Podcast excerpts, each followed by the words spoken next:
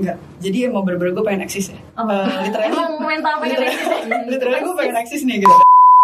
Eh guys, kita mulai yuk. Ayo, ayo, ayo. Tiga, dua, satu.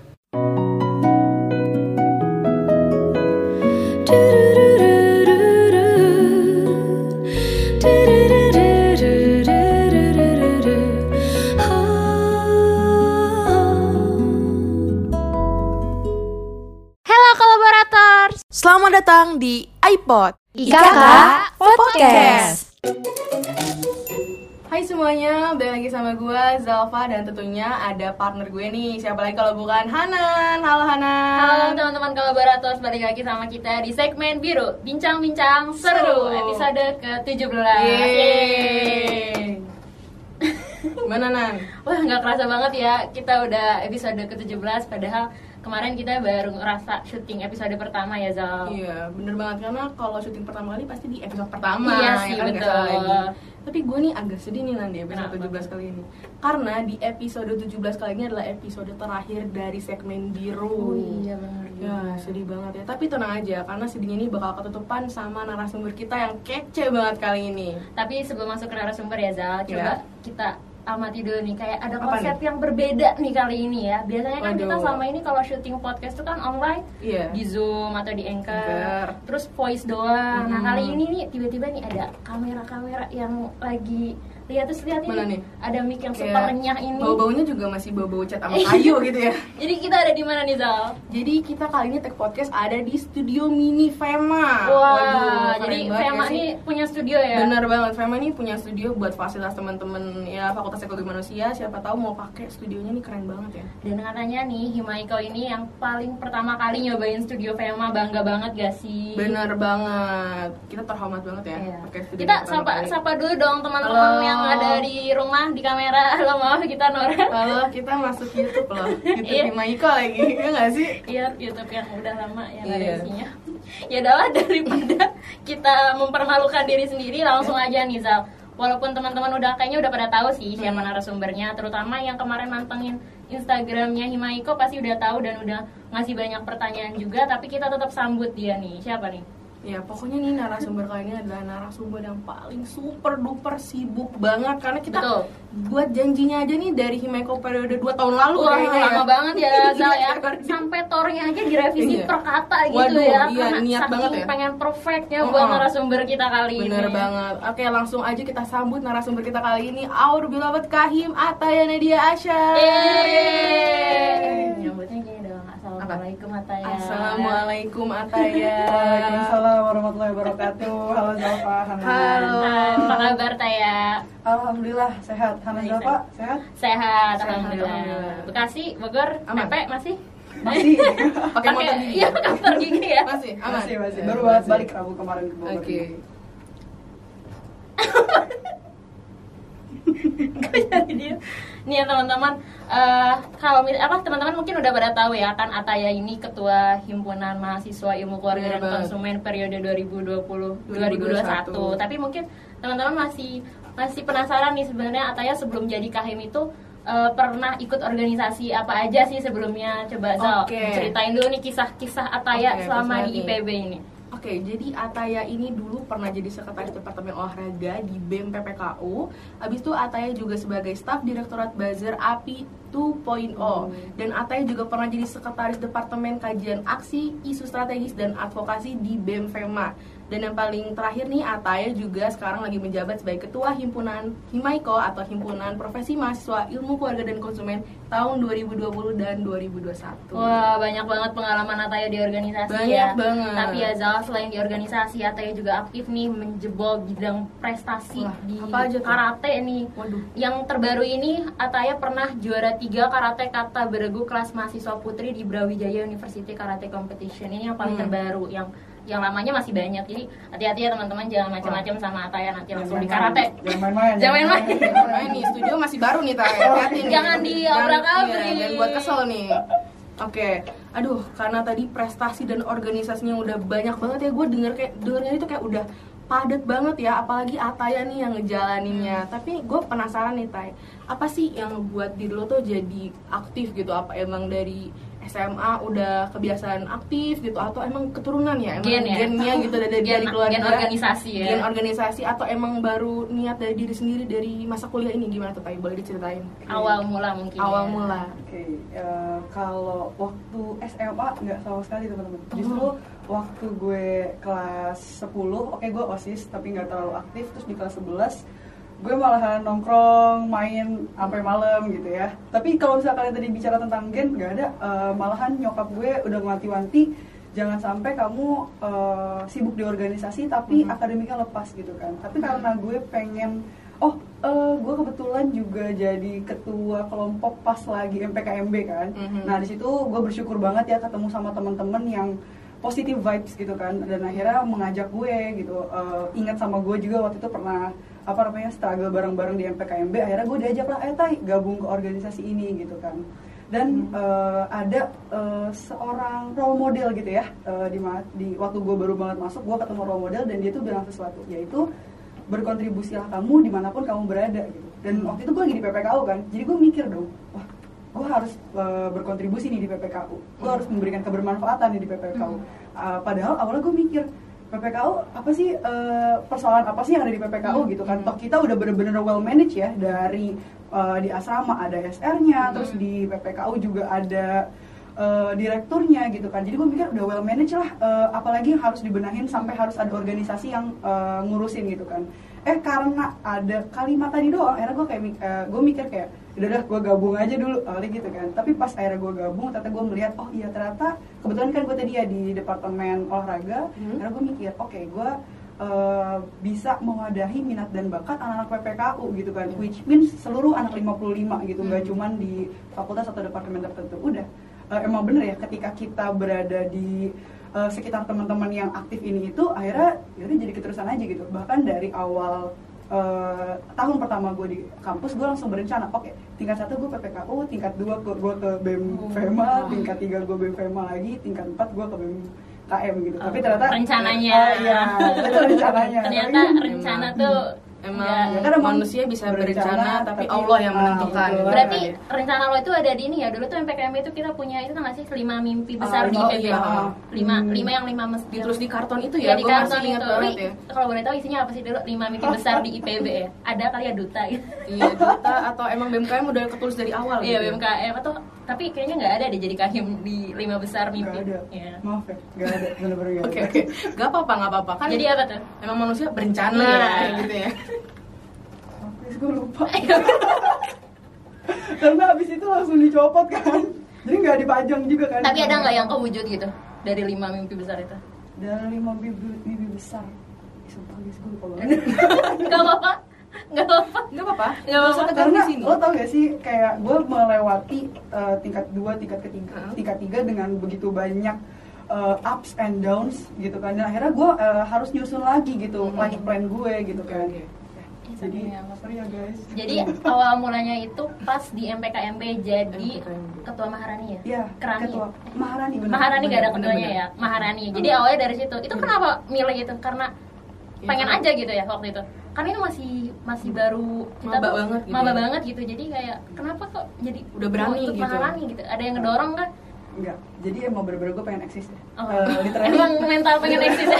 literally gue pengen eksis nih gitu dan juga eh, tadi yang gue bilang kalau dulu itu gue nggak organisasi ya gue malah Mhm. main-main aja gitu dan eh, gue adalah tipikal orang yang bisa dibilang ke bawah arus gitu jadi gue harus mencari wadah yang ngebawa gue ke arus yang baik dong gitu kan akhirnya gue Mhm. cobalah eh, mulai eksis ya menurut gue dimulai dari ospek dulu gitu bener banget pas ospek ya kita dibina sama cutting dan lain-lain Tapi alhamdulillahnya waktu pas dia masuk pertama kali, untung harusnya baik ya. Kayak kalau harus Iya, dia nggak baik. itu lingkungannya Dia kan dia Iya, bilang, lingkungannya "Bawah." juga lingkungannya udah baik gitu Iya, ya. iya. Oke, jadi eh, dari pengalaman awal itu terus merentet terus sampai yang tadi itu ada nggak sih titik di mana kayak ini tuh yang mengubah gua gitu. Jadi kan mungkin ya emang pengalaman kan ada sisi negatifnya ya, ada Mm-mm. positifnya ya. Cuman ada nggak sih titik kayak ini nih benar-benar mengubah prinsip ya, terutama prinsip kayak beda banget nih kita anak SMA, kuliah tuh beda banget gitu Iya. prinsipnya. Ada nggak sih eh, dampak positif dan negatif dari pengalaman berorganisasi dulu ya? Oke, eh, pertama tentang prinsip, gue bersyukurnya sejak gue SMA kelas 1 itu nggak pernah berubah sampai sekarang. Eh, mungkin ada di CV ya tadi teman-teman udah sempat baca Oh, iya. bahwasanya ya karir nggak boleh menjauhkan gue dari Allah gitu dan itu emang bener-bener ngebawa gue ke tempat yang selalu positif gitu kan Mm. Eh, tapi yang ngebikin jadi titik balik banget eh, yang kayak ngerubah eh, tadi ya teman-teman tadi gue bilang kan di tingkat satu gue mau apa tingkat dua Iya. mau apa eh ternyata kalau darullah di tingkat tiga gue memilih himaiko gitu kan Iya. eh, adalah keresahan gitu ya. Jadi gue adalah tipikal orang yang kayak gatel pengen ngubah sesuatu, pengen menciptakan sebuah budaya baru gitu Hmm. kan. Dan gue melihat gitu bahwasanya sejak gue eh, menjadi eh, sejak gue di MPH dulu ya di masa pengenalan himpunan, di situ gue merasa wah nanti kalau misalnya eh, udah di tahun kami eh, angkatan 55 yang megang gue pengen jadi ketuplak soalnya gue pengen iniin ini ini ini ini Ah, gitu iya. eh pas gue ma- jadi ketuplak gue melihat wah kayak enak. Kayak gue harus jadi bagian dari Himaiko deh. Karena gue pengen gini gini gini gini gitu. Jadi eh, itu sih yang bisa menjadi titik balik gue adalah benar-benar keresahan dan keinginan untuk menciptakan eh, hal baru dan budaya baru. Dan alhamdulillahnya gitu ya eh, di tahun ini bisa dibilang banyak banget terobosan baru eh, dari Himaiko. Dan Mhm. insya Allah itu menjadi legacy gitu. Menjadi warisan buat teman-teman eh, Himaiko kepengurusan selanjutnya untuk meneruskan hal baik itu pula. Waduh, kayak kecintaannya udah terlihat banget ya. Cinta Dari banget sama IKK. gitu ya. karena kelihatan kalau lu cinta lu Mm. pengen itu lebih baik dan lu tuh Iya. buat merubah sikap itu gitu Iya, merubah yang banget. harus Tapi kalau menurut gue tahapannya adalah lo harus bangga dulu sama departemen. Iya. Kalau misalnya lo udah bisa bangga banggain departemen, lo bakal makin cinta sama departemen gitu. Itulah kenapa. Jadi gue udah bener-bener ngerasa eh, keilmuan kita itu luar biasa berharganya, luar biasa pentingnya gitu kan, yang nggak bisa dipelajarin dalam waktu singkat gitu ya. Iya. Eh, dan akhirnya gue bangga dengan hal itu apalagi yang eh, sering banget digaung-gaungkan oleh kadet kita bahwasanya kita adalah satu-satunya departemen di Indonesia Di gitu Indonesia. kan itu udah udah salah satu privilege gitu sebenarnya buat IKK sendiri gue bangga dan akhirnya gue mikir dong ya untuk departemen yang saya banggakan ini saya harus eh, memberikan yang terbaik gitu makanya kenapa gue jadi cinta sama departemen so, Tapi- banyak banget kontribusi Ataya untuk IKK gitu ya Nani. tapi ngomongin soal bangga ke IKK gue ada pertanyaan tambahan Oke. luar skrip kita lo pas masuk IKK tuh emang udah pengen ke IKK atau sebenarnya enggak sih karena kan banyak nih ya orang-orang yang masuk IKK tuh jatuhnya kayak pilihan kedua ketiga Oh, iya, iya, baru benar. cintanya itu udah di tengah jalan Hmm, gitu hmm, lo hmm. termasuk orang yang kayak gitu gak sih bagian dari itu Eh, jujur bahkan masuk ke IPB bukan jadi rencana emangnya rencana yang udah Ataya susun tuh Iya, kayaknya emang.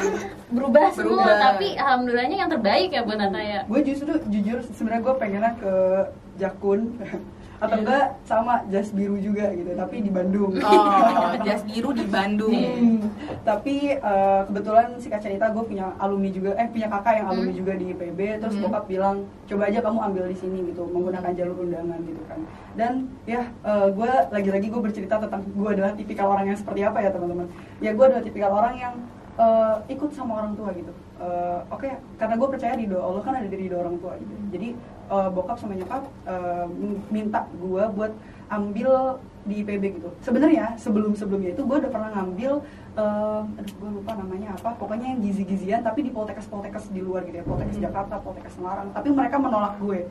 Mereka menolak gue Eh, terus akhirnya pas mau ngambil di IPB gue bilang lagi gue minta tolong ya please tapi jangan gizi ya ya gitu. Hmm. Ya, aku nggak mau ketolak tiga kali dan itu di IPB gitu kan. Dan akhirnya kan eh, waktu itu masih belum paham ya bahwasanya II itu eh I1 I2 itu Iya, iya, satu iya. fakultas tuh gue bener-bener Iya, belum sama, paham gitu. nggak tapi bener-bener di bawahnya gizi ada IKK akhirnya yaudahlah ini aja gitu. Akhirnya eh, diambil lah IKK dulu awalnya mikirnya konsumen itu agak ke, gizi-gizian gitu. Dan ternyata eh, di ilmu keluarganya itu ya eh, bener-bener ngebahas tentang psikologi psikologi keluarga psikologi anak Hmm. dan dulu di jas biru yang di Bandung itu Balik lagi. gue ya. emang pengen banget ngambil psikologi Iya, gitu iya. jadi sebenarnya bisa dibilang eh, keinginan gue yang ada di luar sana itu ke tim apa ya dihimpun semua di IPB di jurusan ilmu keluarga dan konsumen jadi terbayar lah ngikutin apa yang dimau sama orang tua dan akhirnya cinta sama dan akhirnya cinta cinta dan jadi mahasiswa aktif juga gitu kan di IPB Alhamdulillah. jalannya emang udah ditentukan oleh Allah gitu ya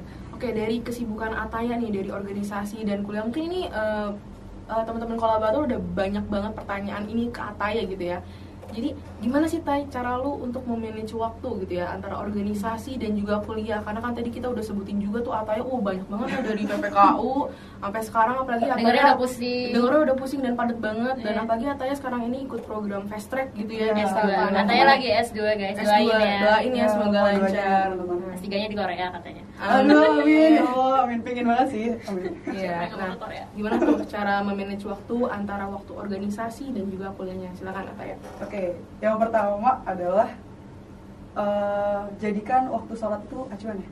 Jadi ketika lo mau udah pindah mau ya ketika lo mau berkegiatan di sebelum sholat zuhur maksimalkan itu selesai sebelum sholat zuhur gitu. Iya. Dan ketika ya ketika lo mau ketemu sholat asar ya mak- maksimalin di antara zuhur dan asar gitu. Begitupun kegiatan-kegiatan selanjutnya gitu kan. Dan yang kedua itu jadi yang pertama adalah eh, jadikan waktu sholat adalah acuan gitu. Karena kan waktu sholat tuh bergeser terus ya makin pagi gitu-gitu kan makin cepat. Terus yang kedua adalah gue tuh menyusun eh, prioritas Mhm. sesuai dengan apa yang gue ambil pertama kali. Dan yang pertama gue ambil di IPB adalah kuliah. Lalu ya, kalau untuk saat ini ya, eh, untuk saat ini yang kedua dari Himaiko. Hmm. Terus yang ketiga, gue Qadarullah dapat di rumah kepemimpinan eh, regional Bobana. Terus yang keempat dan, dan kalau misalnya nanti ada lagi gitu. Iya. Untuk sejauh ini mungkin ini dulu yang bisa gue mention. Jadi eh, ketika gue mau melakukan sesuatu di Himaiko, Hmm. make sure uh, yang di kuliah itu udah menjadi perha- menjadi pertimbangan kalau gue mau ke Himaiko dulu gitu. Mhm. Jadi kayak gue ngeliatin dulu ah, ada tugas apa ya ini ini ini ini, gitu. Uh, kalau misalnya nggak langsung dikerjain karena Himaiko-nya mepet, at least gue sudah menaruh perhatian kepada si kuliah gue ini gitu. loh. Dan uh, begitupun ketika gue mau RK, jadi gue tidak mau ya ketika gue berada di uh, mem- memiliki salah satu amanah baru, terus gue zolim, uh, terus gue lalai di amanah sebelumnya gitu kan. Makanya kenapa gue harus mengurutin, oke kuliah, himaiko, terus RK, terus nanti mungkin kalau misalnya ada amanah selanjutnya, kayak gitu kan. Dan kalau untuk kuliah sendiri nih gitu ya, gue adalah orang yang mendahulukan tugas kelompok daripada tugas individu bisa dibilang gitu.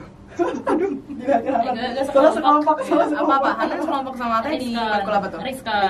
Gua, Taya, Ranti, Muti Oke, jadi gue nggak mau kalau misalnya teman-teman kelompok itu ngerasa gue beban di, di Iya. kelompoknya gitu. Jadi ya oke eh, ber- apa tugas individu itu kan ber- bertanggung jawab gue gitu. Iya. Ya tugas eh, kelompok juga gitu. Tapi jangan sampai orang-orang tidak memilih gue kalau misalnya mau jadi kelompok.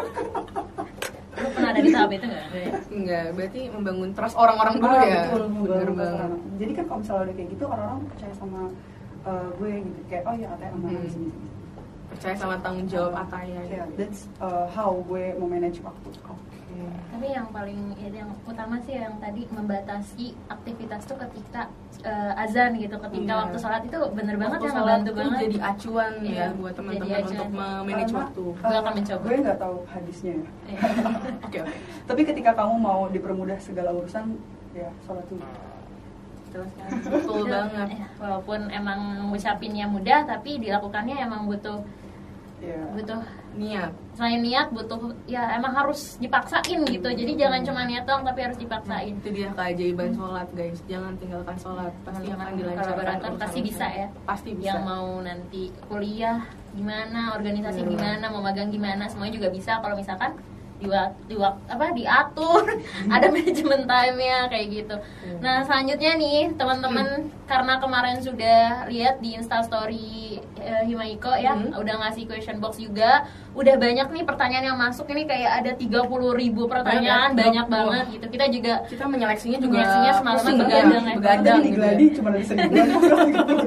ini banyak banget ya. Banyak banget tapi nggak mungkin kita jawab semua ya teman-teman karena studionya diambil hanya yang diambil hanya tiga buah aja. Buah pertanyaan selektif banget ya. Oh, parah banget. Kalian tidur nggak semalam? enggak justru ini- ketat banget Oh, ini oke. seleksi Saat daripada magang be- magang bersertifikat. Iya. Oke. Ya, Ya. eh, langsung aja dibacain kalian ya. Iya ini ada pertanyaan, oh bukan yang ini. Oh, saking banyaknya ya. Saking banyaknya kita harus Ah, pertanyaan disebutin ya nih dari Ulan Saf underscore katanya gini apa yang bikin kakak yakin untuk berani ikut organisasi apa tetap ada rasa ragu atau takut gitu pas mau ngambil amanah di suatu organisasi gitu silakan kata ya Kenapa harus takut? Eh, ketika kita pasti kita kan semua punya impian, kita semua punya target gitu ya. Eh, jadi kalau misalnya memang mau diraih pasti ada pengorbanannya gitu. Dan eh, kalau misalnya kita mau bangun mau berdiri kan kita memang harus jatuh dulu ya. Jadi ya di set- ya tadi yang gue bilang ya ada ups and downs di dalam di eh, kehidupan gitu. Dan memang salah satunya mungkin bisa ditemukan itu di organisasi gitu. Kalau misalnya malah kita ah gue mau sukses mau bisa beli baju tanpa ngelihat mereknya misalnya gitu-gitu ya. Tapi kita nggak pernah eh, belajar buat rugi belajar buat eh, ngitung duit atau mungkin selain apa ngatur duit ngatur keuangan gitu. Itu sebenarnya bisa loh kayak di teman-teman. Coba deh kalau misalnya eh, lo mau nanya ke teman-teman ke teman-teman apa namanya? Sorry sorry. oke kalau misalnya teman-teman mau nanya ke teman-teman bendahara gitu ya mereka bisa manajemen keuangan karena memang keuangan oke sedikit cerita. Keuangan di organisasi yang ada di IPB itu sangat sangat terstruktur gitu kan. Jadi ya kalau misalnya lo mau eh, mengeraih target lo lo mau meraih impian lo memang eh, harus ada wadahnya dulu gitu. Dan itu wadahnya mungkin bisa ditemukan di organisasi. Tapi bukan berarti hanya di organisasi gitu. Jadi ada ya di kepanitiaan atau mungkin di komunitas atau mungkin eh, siapa tadi? Ulan ya? Iya, atau mungkin Ulan. Ulan mau em, ngebuat sendiri wadahnya itu juga boleh banget. Jadi jangan? Jangan takut Jangan jadi takut. daftar di Maiko ah bisa banget Karena insya Allah apa pun keraguan kalian kalau udah dijalani nggak ada ruginya, pasti ada ilmunya yang pasti kadang ada. kadang juga kita menemukan apa yang oh ternyata ini bidang gue tuh ketika lu udah ngejalanin Iya, itu bener banget. ketika lu udah nyoba ah ini gue ternyata gue nggak cocok di sini Iya. ternyata gue cocok di situ nah itu Kenapa? waktunya di masa kuliah gitu Iya, jadi sedikit sedikit cerita eh boleh Boleh, banyak juga nggak apa-apa Oh, gitu. iya. Apa. Jadi gue pernah mau melakukan sesuatu gitu ya, yang mana itu harus sholat istikharah dulu. Tapi sampai tiga hari tuh nggak dapet jawaban juga dari Allah Mhm. gitu. Terus akhirnya gue ngobrol eh, waktu itu kan lagi online ya, jadi eh sampai sekarang masih online. Sekarang. jadi lagi online gitu sambil nugas sambil ngezoom gitu dan kebetulan sama sekum gue eh, di Himaiko gitu. Eh, akhirnya cerita lah, eh, tan, aduh gue masih belum dapet jawaban juga dari Allah gitu buat ngambil ini gitu. Eh eh, dia bilang gini, mungkin Allah bakal ngasih jawabannya kalau lo udah ngambil gitu. Jadi eh, jawabannya bakal lo temuin sendiri pas lo udah ngambil. Dan ketika Intan ngomong itu, gue merasa bahwa jawaban yang keluar dari mulut Intan adalah jawaban Allah. Iya. Gue kayak, aduh bener banget ya gitu. Karena gue langsung bener-bener saat itu juga tan tungguin, gue mau submit dulu. Bener-bener. Jadi gue tuh udah nyicil eh, berkasnya doang, tinggal gue menunggu jawaban Allah aja gitu. Kan katanya dari mimpi gitu-gitu kan. Hmm. Ini kok gak ada gitu. Karena gue bilang ke Intan dan jawaban Intan itu gue merasa itu adalah jawaban yang Jawabannya dikirimkan dari Allah melalui Intan. Jadi jawaban Thanks, Allah tuh bisa melalui apa pun ya, bisa melalui mimpi apa pun. orang atau mungkin teman kita gitu ya ngasih apa masukan gitu. Pak. Dan balik lagi, jawabannya akan kita temuin ketika kita masuk dulu Masuk. ke dalam organisasi. Jadi jangan lupa join Himaiko. Oh, pastinya kita harus promo gitu kan. kayak apa ya promo Oke, next ke pertanyaan nomor 897 ya Nan ya. Ini dari Sheila WWD. oh, bukan www ya Oh bukan, ini website nanti ya jadinya Sheila WWD katanya Kak, perbedaan urus organisasi waktu offline sama online apa nih kata ya katanya? Oke, sebenarnya nggak begitu eh, banyak yang khususnya adalah di komunikasi. Itu Hmm. udah sering banget Hmm. di mention pasti. Bedanya kalau misalnya offline itu kita masih bisa ngejar orangnya, Iya. kita masih ketemu gitu kan. Hmm. Tapi ada aja loh yang di offline tetap hilang. Jadi ini studi kasus ya buat teman-teman yang bentar lagi organisasi offline pasti masih ada aja gitu yang eh, ngilang. Tapi kalau di online itu udah bener-bener lebih sulit lagi men gitu. Tapi eh, gue bersyukurnya adalah eh, apa ya memang namanya Himaiko Hima Bem eh, itu adalah lem- apa namanya organisasi eksekutif. Di mana isinya adalah orang-orang yang eksekusi yang mau eksekusi sesuatu Hmm. gitu kan. Jadi ya eh, ketik meskipun mereka suka ngilang entah itu karena sinyal atau mungkin ya ketiduran dan alasan-alasan lainnya gitu kan eh, mereka masih punya jiwa eksekusi di dalamnya gitu jadi Hmm. ketika lo gue bersyukurnya adalah orang-orang yang mau eh, masuk ke dalam organisasi gitu ya meskipun online dan offline ketika mereka dipanggil mereka akan benar-benar terpanggil gitu sih jadi paling bedanya yang benar-benar terlihat secara signifikan adalah di komunikasinya?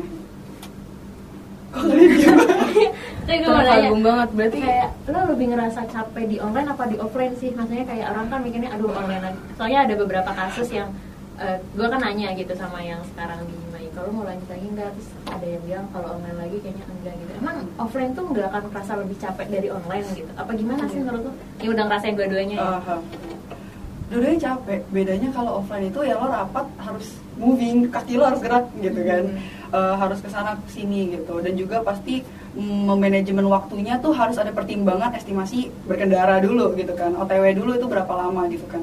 Tapi kalau online itu eh, di sini ya mungkin juga pesan buat orang-orang yang mau eh, mengambil organisasi di masa pandemi di era, era online ini gitu.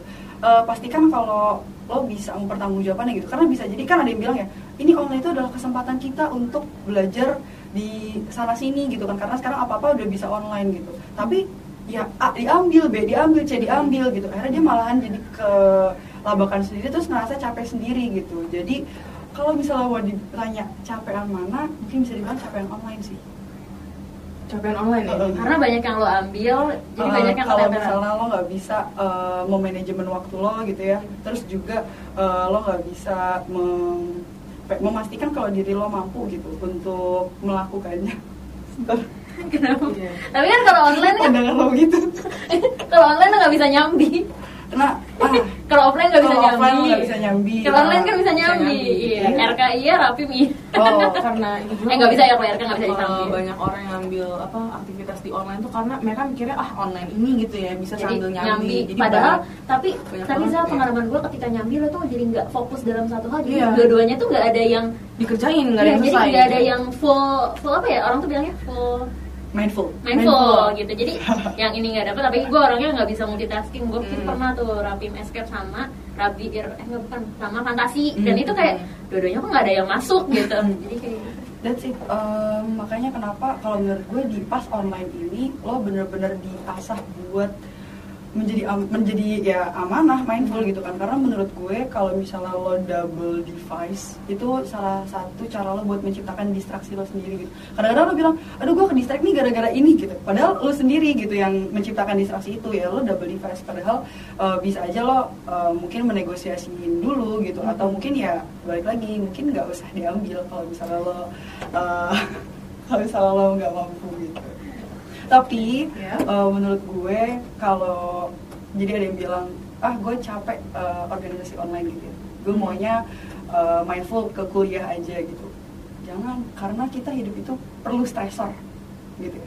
jadi kalau misalnya lo uh, cuman belajar belajar belajar aja bisa jadi malah nilai lo bakalan lebih baik ketika lo ngambil organisasi juga. Karena di situ lo ngerasa oh gue harus belajar tapi gue harus uh, di organisasi juga. Berarti gue, harus memanajemen uh, apa namanya waktunya Hmm. kemampuan dirinya juga gitu kan. Nasa terus juga kalau misalnya di uh, organisasi itu kan ada soft skill soft skill baru ya. Iya. kayak lo, ya lo jadi public speaking lah atau mungkin lo jadi critical thinking lah. Itu wah kalau misalnya udah di semester eh, misalnya udah di tingkat 2, tingkat 3 gitu pasti ada aja kan soal-soal analisis gitu. Itu terbantu karena lo pernah di organisasi gitu kebantu critical thinkingnya Hmm, juga ya. betul. karena kita ketemu banyak orang Hmm, bisa problem solve, oh. iya benar banget yuk pertanyaan ke 900 saya tadi boleh- 800 saya, ya? saya boleh request gak pertanyaan Apa? ke satu aja oh Oke, oke, pertanyaan pertama. Oke, pertanyaannya bener dia deh yang pertama. oke oke sebutin Dari siapa nih? Kayaknya kenal ya. Oh, kenal ini, waduh, ini dari Avi Novi ya, Oh. katanya dia nanya nih, momen apa yang sangat berkesan dan membekas selama menjabat di Himaiko? Bekas banget ya. Bekas banget nih kan udah mau demisioner nih Tai. Kira-kira apa sih selama satu periode ini, hampir satu periode ini? Momen apa bener-bener bisa eh, BPH visit PR. Iya. masih kayak BPH visit internal. Kita pulang yuk. Assalamualaikum. Bye. gue bersyukur melalui Himaiko akhirnya gue bisa terbangun relasi dengan dosen juga ya nggak Mhm. cuma sama dosen tapi Cewek juga sama ya. Eksis, jadi berhasil ya. Nggak, tapi bener eh, di tahun ini gitu ya karena tadi lagi-lagi persoalannya adalah di komunikasi gitu Eh, akhirnya gue berkomitmen dengan komisi kemahasiswaan IKK gitu ya Ibu Rizda untuk selalu bertemu di setiap akhir bulan gitu. Jadi itu untuk apa? Untuk mengevaluasi kegiatan kami gitu kan atau mungkin untuk menyiapkan kegiatan-kegiatan selanjutnya gitu. Kenapa itu bisa berkesan? Karena akhirnya gue bisa eh, membantu mempertemukan teman-teman Himaiko juga gitu dengan Hmm. dosen-dosen IKK gitu kan. Eh, terus juga jadinya ada apa ya alur birokrasi yang transparan gitu ya. Hmm. yang transparan ke teman-teman. Jadi gue nggak mengambil apa ya eh, hubungan gue dengan dosen itu nggak cuman gue aja yang tercipta tapi juga dengan teman-teman. Makanya kenapa meskipun itu meskipun ini adalah organisasi online eh, tapi tetap berkesan buat gue Jadi yang berkesan itu dapat eksis. Aduh enggak enggak gitu enggak gitu Ya. enggak gitu. Tapi gue gue gue yang melakukan tapi gue memberikan ini ke teman-teman gitu. Iya, jadi kasih privilege ini ke teman-teman Ah, ah, juga gitu, ya. guys. Begitu pembela. Oh, Keinginan eksis yang bagus Jadi- tapi eksis itu nggak jelek loh, Tay. oh enggak ya. Iya.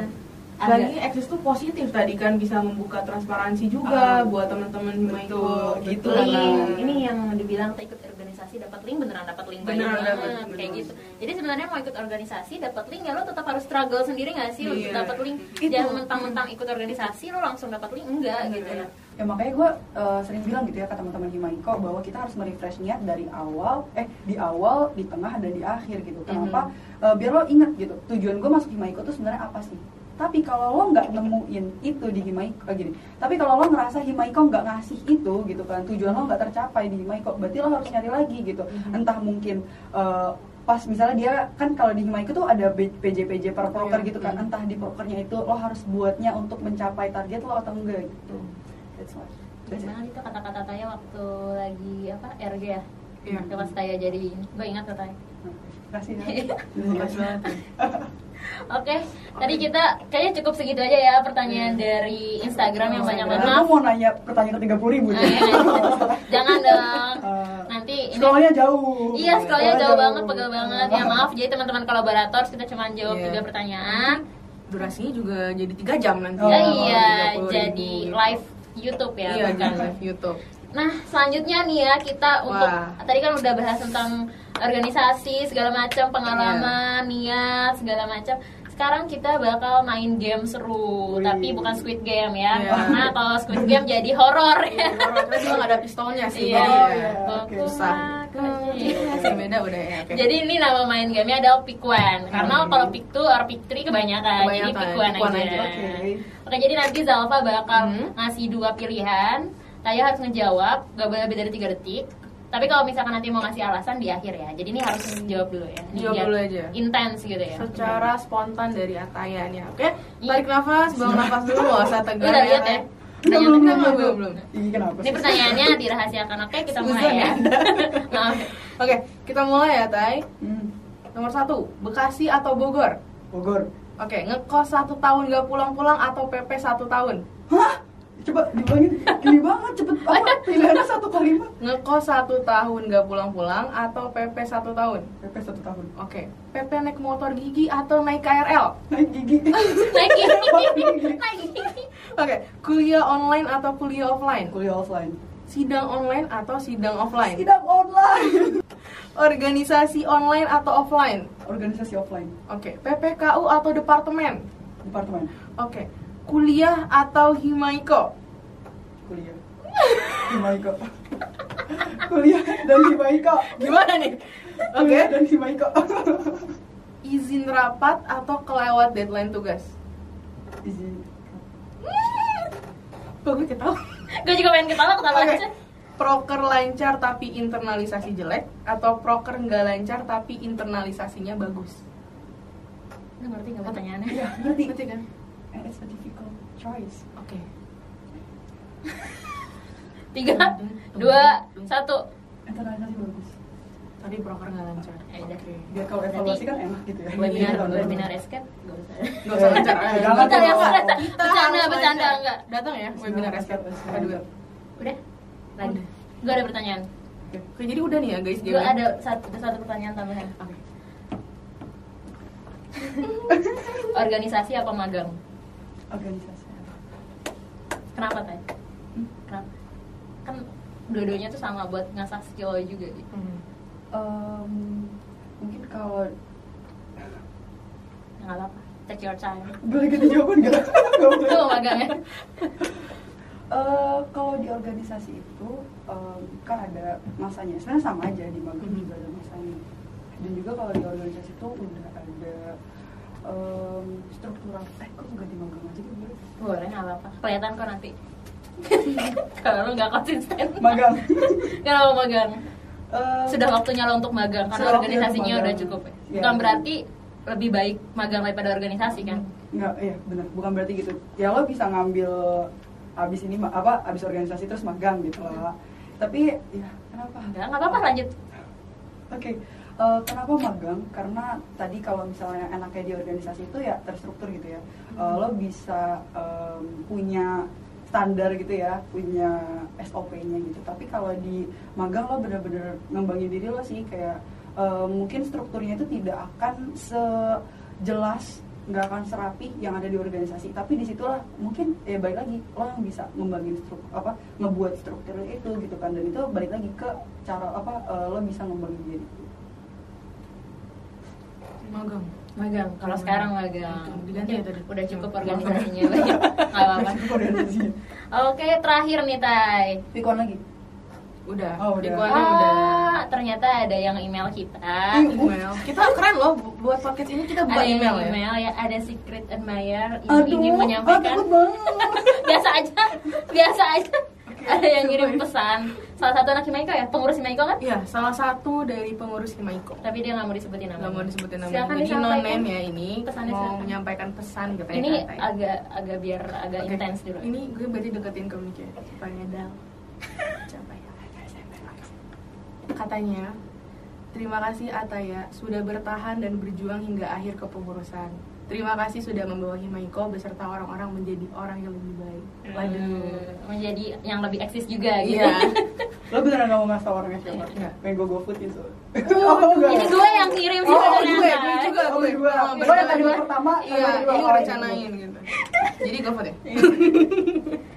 itu deh, itu deh, sampai dia sampai terharu loh ya. Iya, sampai yang terharu yang ya. ngirim pesan tuh lihat tuh Taya sampai terharu. Langsung chat aja lah, langsung kasih tahu gue yang ngirim. Biar digofutin. Biar Iya. digofotin. Tapi jauh gofootnya sih.